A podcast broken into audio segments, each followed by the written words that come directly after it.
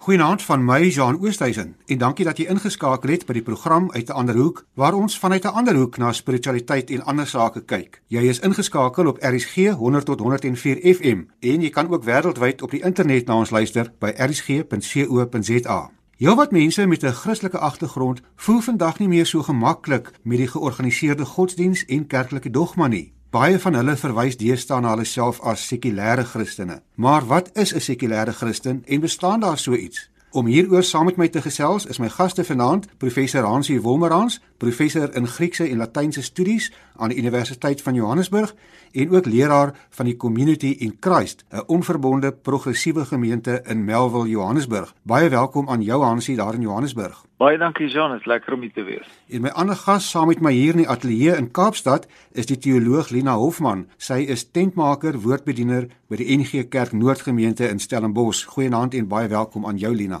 Uh, nou, dankie. Goeienaand aan al die luisteraars. Hansie en Lina, kom ons begin sommer by die term sekulêre Christen. Wat is 'n sekulêre Christen en hoe definieer 'n mens dit in kort? Hoe sou jy dit in 'n paar woorde opsom, Hansie? Wel, die woord sekulêr kom natuurlik van die Latynse woord saeculum af en dit beteken die sintuiglike waarneembare wêreld. Ek onthou 'n boek waarvoor my ouma baie lief was, was een wat Lucius geskryf het. Die boek se titel was Die wêreld is ons woning nie. Vir 'n sekulêre Christen sou ons dit beomswaai en sê die wêreld is ons woning. So 'n sekulêre Christen is iemand wat baie ernstig die huidige wêreld en ons wêreldbeeld en ons siening en ervaring van die wêreld opneem.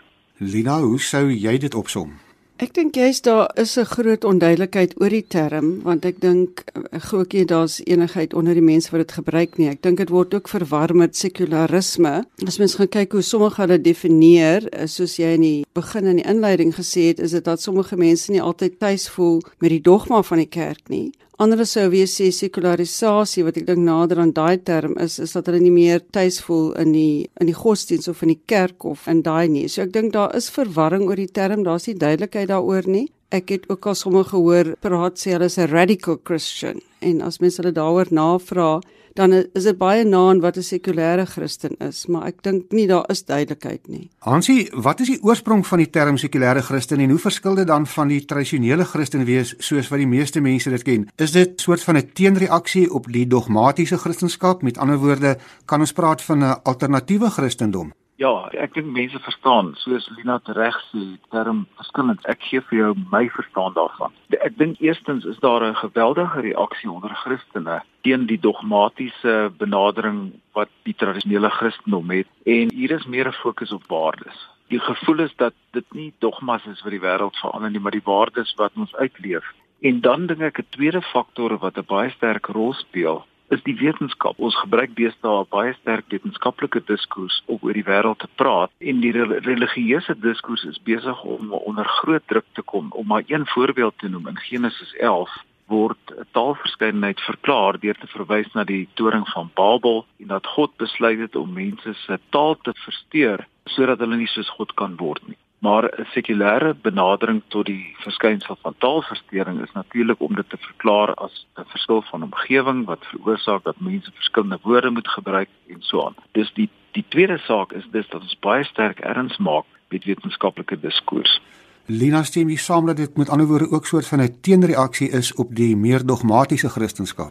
Ek dink ons moet versigtig wees hoe ons dit uh, beskryf en omskryf en ook hoe ons met al hierdie terme omgaan. Byvoorbeeld nou net te praat van die wetenskap. Ek het nou net daag geëis toe ek oor die rooi plein stap op Stellenbosch te sien ek God versus science. Nou dit is my totale verkeerde benadering. Dit is die wetenskap en God, die wetenskap en die Bybel en Bybel uitleg.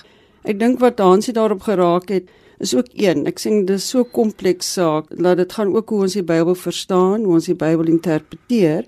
En as ons die hele tyd oor dogmas praat, dan moet ons ook met omsigtigheid omgaan. Want wat doen ons eintlik met dogmas? Want dan kom ons by die geloof uit. Geloof is 'n belydenis, nê? Nee? En en dis anders as ons kennis, kennis van die wêreld of selfs die kennis van God, nê, nee? of geloofskennis. Dit is altyd beperk, dis altyd gedeeltelik. Anderser is dit nie meer geloof nie. Goed, jy praat nou onder andere van uh, wat ons bely, maar nou wil ek dan ook vir Hansie dan vra, is 'n sekulêre Christen dan nie meer 'n kultuurbeskrywing as 'n geloofs-oortuiging nie, want soos wat ek dit verstaan, is 'n sekulêre Christen iemand wat nie noodwendig meer al die geloofsbelijdenisse onderskryf soos wat die kerk dit oor die eeue bely nie. Ek dink 'n uh, sekulêre Christen, dis nou volgens my verstaaning en, en hoe ek dit beleef, is dat daar 'n uh, erns kom met 'n nuwe wêreldsiening wat besig is om te ontstaan en dat ons nie eenvoudig 'n uh, 'n drie verdieping wêreldbeeld wat ons in die Bybel vind onkrities aanvaar nie. Ons wil baie sterk erns maak met die wêreld hier en nou en ook met 'n godsbeeld wat baie meer immanent is en hierby verbonde is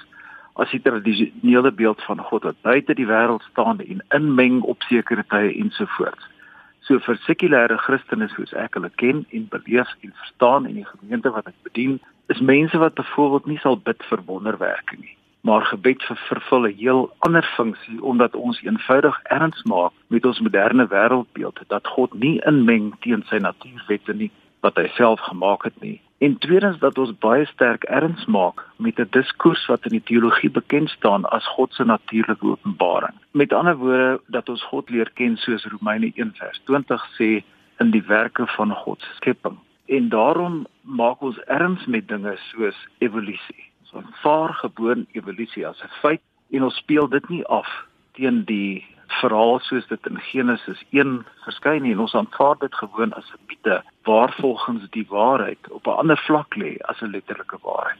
Lina, wou jy reageer daarop of byvoeg? Ek sal maar net sê dat ek soos ek sê ons moet met groot omsigtigheid omgaan met hoe ons hierdie terminologie gebruik. Ek dink daar's baie mense onder ek ook wat bely ek ek sou glo nie ek sou myself 'n sekulêre Christen noem nie, maar wat ook erns maak met die openbaring van God of dit nou is in die natuur, natuurlik in die skepping of dit nou is in die in die woord in die Bybel, nê? Nee? So ek sou byvoorbeeld sê die skepingsverhale is nie daar as 'n wetenskap nie, dit is daar om te bely of om te openbaar dat God die skepper is. Hoe dit dan ook al nou die wêreld geskep is. Ek is ook 'n uh, Christen wat erns maak met die wêreld en dis ook nie nuwe vrae hierdie nie. Ek bedoel dis dis ou vrae wat reeds uh, in die Bybel voorkom in die Nuwe Testament. Ons is in die wêreld, maar nie van die wêreld nie en hoe ons God dan sou bely. Ek glo ook hierdie hierdie drie verdieping. Ek dink daar's baie persone wat besef die drie verdieping beskrywing van die wêreld was as gevolg van destyds hoe die wêreld verstaan was, die wêreldbeskouing van daardie tyd. Maar ons weet almal die wêreld is nou rond en dis anders, maar dit doen nie afbreek aan die feit dat ek nog steeds bely en glo dat God die wêreld geskep het nie, hoe dit dan ook al nou geskep is. Ek dink eintlik daar's min mense wat nog glo aan 'n basiese letterlike vertaling van byvoorbeeld die skepingsverhaal of selfs 'n vertolking van Genesis 11 wat reeds al genoem is. Aansie baie mense sal sê dit is 'n weerspreking van dit wat 'n Christen veronderstel is om te wees as 'n mens 'n sekulêre Christen is. Nou my vraag is, moet 'n Christen dan nie per definisie glo aan die maagdelike geboorte, Jesus se fisiese opstanding en ten minste dan sy goddelikheid nie? Ja, ek dink die Bybel self maak 'n onderskeid dat mense hulle geloof verskillend ervaar. Ek beweeg heeltemal weg van voorskriftelikheid af. Al wat ek vir jou kan sê is ek geloof ervaar en hoe mense soos ek geloof ervaar in 1 Korintiërs 3 vers 2 en in Hebreërs 5 vers 12 tot 13 word daar onderskeid gemaak tussen Christene wat nog in 'n melkfase is en dan is daar Christene wat vaste spyse kan hanteer. En en ons kan die kontekste daar gaan lees en dit lyk vir my dit gaan oor dinge soos 'n letterlike verstaan van die Bybel, selfgesentreerdheid, 'n baie soort van eie gesentreerde godsdiens ensovoorts teenoor 'n uh, godsdiens wat baie meer inklusief is, baie meer verdraagsaam is en so aan. En daarom wil ek net pleit in hierdie program dat mense eenvoudig nie moet dink dat spiritualiteit of religiositeit of Christendom 'n konsep is wat voorskrifklik is en wat vir alle mense pas en as iemand nie dink soos ek dink of glo soos ek glo dat ons daai persoon eenvoudig moet marginaliseer en eenkant skuif. Die manier waarop ons die Bybel verstaan is binne konteks. En daarom moet ek eerlik vir jou sê dat iets soos die maagdelike geboorte of kom ons maak dit 'n baie breër terme, wonderwerke as sodanig is in die Nuwe Testamentiese wetenskap al lank meer weggedoen. Ernst Kesemann, uh, Gunther Bornkamp en so aan het al in die vorige eeu geskrywe dat wonderwerke is fiksie soos dit in die Bybel beskryf word. En daar is mense wat in die Christendom is wat dit eenvoudig nie langer wil aanvaar nie. En as mense voel hulle wil dit aanvaar, hulle wil daar volgens lewe, is dit ook goed. Maar asseblief aanvaar mense wat wie se denke op so 'n manier werk dat hulle sekulêr hulle spiritualiteit belewe. Lina, jy sê jy sal jouself nie 'n sekulêre Christen noem nie, maar dink jy daar is plek in die kerk en in die hoofstroom godsdiens vir mense wat hulle wel sekulêre Christene noem? Of is dit dalk 'n oksimoron om sekulêre Christen met teologie te kombineer? Ek glo nie dis 'n oksimoron nie en ek ek dink ons moet geduldig hoor en met mense praat wat hulle dan daarby bedoel. Ek wil weer eens herhaal wat wat ek dink dit was die wysheid van Ferdinand Dice dat geloofskennis is altyd gedeeltelik, né? Nee? Sodra ons bely ek glo, dan bely ons onmiddellik ook deel van die misterie van God, die wonder van God, die verborgenheid van God. So dis deel van ons belydenis as ons sê ons glo en dis 'n belydenis. Dan wil ek daarby ook sê iets wat vir my baie behulpsaam is, 'n beeld wat ek onlangs raak gelees het is dat as 'n breinchirurge brein oopsny, dan kry jy allerlei goed, maar jy kry geen gedagtes nie. Jy jy kry nie gedagtes in daai ding nie. En tog gedagtes is bepaal hoe ons dink, wat ons van onsself dink, wat ons van ander dink, wat ons van die wêreld dink. En ek dink op is op daai selfde basis wat geloof werk. En dan wil ek tog sê wat ek glo is dat wat Paulus so sê is Christus is die Here, maar jy kan dit net bely as die Heilige Gees jou is. So eintlik is geloofsbelijdenis buite onsself. Ek glo dat geloof, die belydenis van geloof dat Christus is die Here, is buite myself. Dis ook 'n gawe van God. So daar's 'n deel van 'n misterie in dit wat ons doen sodra ons sê ek bely ietsie want dit is dis wat geloof is sodra dit nie meer daar 'n tipe van 'n borgenheid of misterie is nie dan is dit nie langer geloof of 'n geloofsbelijdenis nie Hansie wie of wat bepaal dan of mens jouself 'n Christen kan noem watter basiese beginsels moet geld voordat 'n mens jouself 'n Christen kan noem vir mense verskil dit jy weet dit verskil van mens tot mens maar ek sou sê vir 'n sekulêre Christen soos wat ek is ek kan vir jou sê wat ek glo 'n Christen maak Ek dink 'n Christen word nie gedefinieer deur dogmas of leerstellings nie. Kom kom ek neem een goeie voorbeeld. Die dogma dat Jesus vir ons sondes gesterf het. Daar is baie baie dele in die Bybel wat sê dat God stel glad nie belang in offerandes nie. God stel belang in liefde. Dat ons met mekaar in liefde moet saamleef en in nederigheid onsself sal uitleef in hierdie wêreld. En die dogma van die, die kruisdood van Jesus wat 'n verlossende effek het en so aan maak vir baie mense net nie meer sin. Geweldsleerstelling, dit verheerlik geweld. Dit is 'n vader wat sy seun geweld aandoen en daarom voel baie baie teoloë dat dit net nie meer plek het in die, in die Christendom van die 21ste eeu nie. Nog 'n voorbeeld van 'n praktiese uitlewing van ons Christendom is byvoorbeeld die marginalisering van homoseksuele mense. Mense misbruik die Bybel lees dit nie in konteks nie, verstaan dit nie in konteks nie en marginaliseer eenvoudig mense. En baie mense wat sê, "Nee, maar, maar ons doen dit nie, weet, ons aanvaar homoseksuele mense in ons gemeente." Is baie keer maar net ons verdrale, maar daar's nie 'n onvoorwaardelike aanvaarding vaarding. Ons kan praat oor sosiale vraagstukke soos byvoorbeeld die posisie van vroue, slawerny ensovoorts waar die kerk nie die voorloper was om dinge te verander nie, maar altyd agterna gekom het en dit is my baie jammer. Met ander woorde om dit eenvoudig te stel, ek dink 'n sekulêre Christendom stel waardes soos inklusiwiteit, medemenslikheid, ons verbondenheid met die natuur en die ekologie voorop voordat dit kom by leerstelling. Ons gesels vanaand oor die term sekulêre Christen en ek wil by my gaste weet of 'n mens jouself nog 'n Christen kan noem as jy nie meer deel is van die hoofstroom godsdiens nie of nie meer al die belydenisse van die kerk letterlik onderskryf nie of wat 'n sekulêre Christen is. Hansie en Lina, as ons praat van 'n sekulêre Christendom, dan is een van die vrae wat baie mense sal vra, watter plek beklee Jesus in 'n sekulêre Christendom? Kom ek vra eers vir jou Hansie, watter plek beklee Jesus in die lewe van 'n sekulêre Christen? Wel, dis ek dink is een van dis 'n uitstekende vraag. Tradisionele fokus op Jesus was Paulus se teologie. En as ons Paulus se geskrifte lees, sal ons sien dat Paulus maak baie van Jesus se kruisdood, sy sterwe, sy opstanding, sy hemelvaart ensovoorts en wat na dit gebeur. Terwyl 'n meer moderne benadering kyk na wat Jesus self gedoen het. Aan die ander woorde die lewe van Jesus self staan voorop en ek dink die sentrum van Jesus se boodskap was die koninkryk van God wat 'n politieke aardse bestel is. Dit is nie soos verkondig word en verstaan is iets wat na hierdie tyd kom, a pie in the sky when you die nie. Dit gaan oor ons huidige politieke bestel waar sekere waardes uitgeleef moet word en dit bring Christene dink ek in 'n posisie om te kan praat en met gesag te kan praat oor menseregte, oor ekologiese kwessies en oor die disfunksies wat ons in ons samelewing aanvaar. Ander woorde om dit eenvoudig te stel, Jesus wat hy gedoen en wat hy gesê het, staan sentraal en nie sy kruisdood en opstanding en hemelvaart en daai leerstellings nie wat metafories geïnterpreteer word en nie letterlik.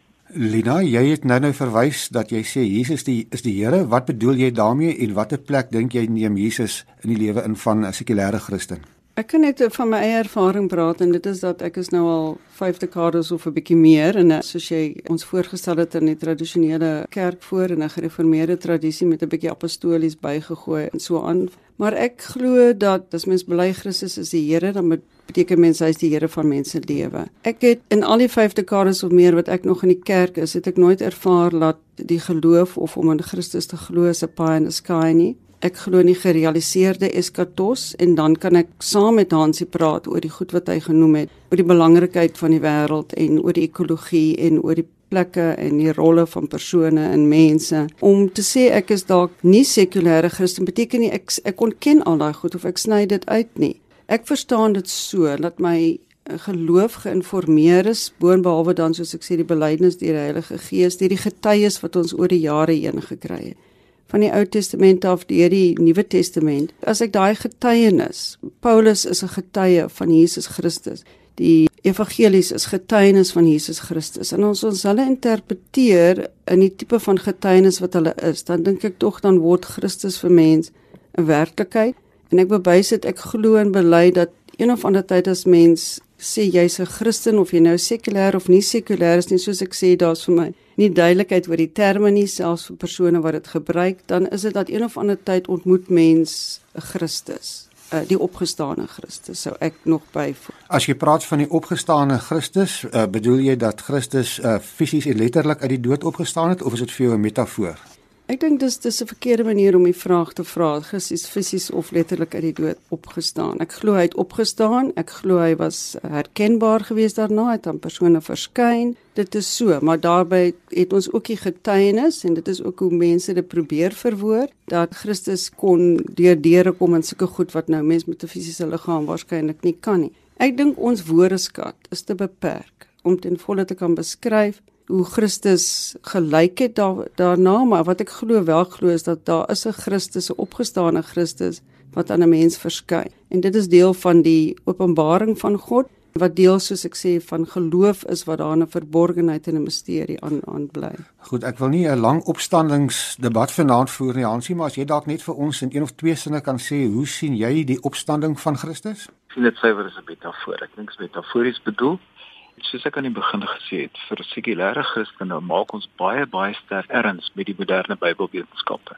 In die Bybel, moderne Bybelwetenskappe is eenvoudig besig om eensstemmigheid te bereik oor wat het gebeur met die opstanding van Jesus. En dit is baie duidelik as ons die bronne dateer dan begin dit 1 Korintiërs 15 is ons vroegste bron. Dit begin by 'n visioen wat Paulus sê het 'n visioen van Jesus gehad. Ander mense het dit nie gesien. Dis 'n visioen wat plaasgevind het. As ons kyk dan na die vroeëre bronne soos die evangelie van Markus dan is daar geen verskynings van Jesus eers daar nie. Daar is net engele wat sê die graf is leeg. En hoe verder jy gaan na die later evangelies toe as jy kyk by Johannes die Johannes evangelie begin dit meer fisies raak. Eet saam aanraak ensovoorts Met ander woorde, ons het 'n ontwikkelende tradisie oor die opstanding van Jesus. En wat die opstanding vir my metafories sê, is dat Jesus wat hy gedoen, wat hy gesê het, is nog steeds by ons en rig steeds ons lewens. As ons praat van sekulêre Christendom, dan kom die vraag ook op, waar laat dit ons dan met die Bybel? Lina, hoe moet 'n mens die Bybel in 'n sekulêre samelewing verstaan? As jy jouself 'n sekulêre Christen noem,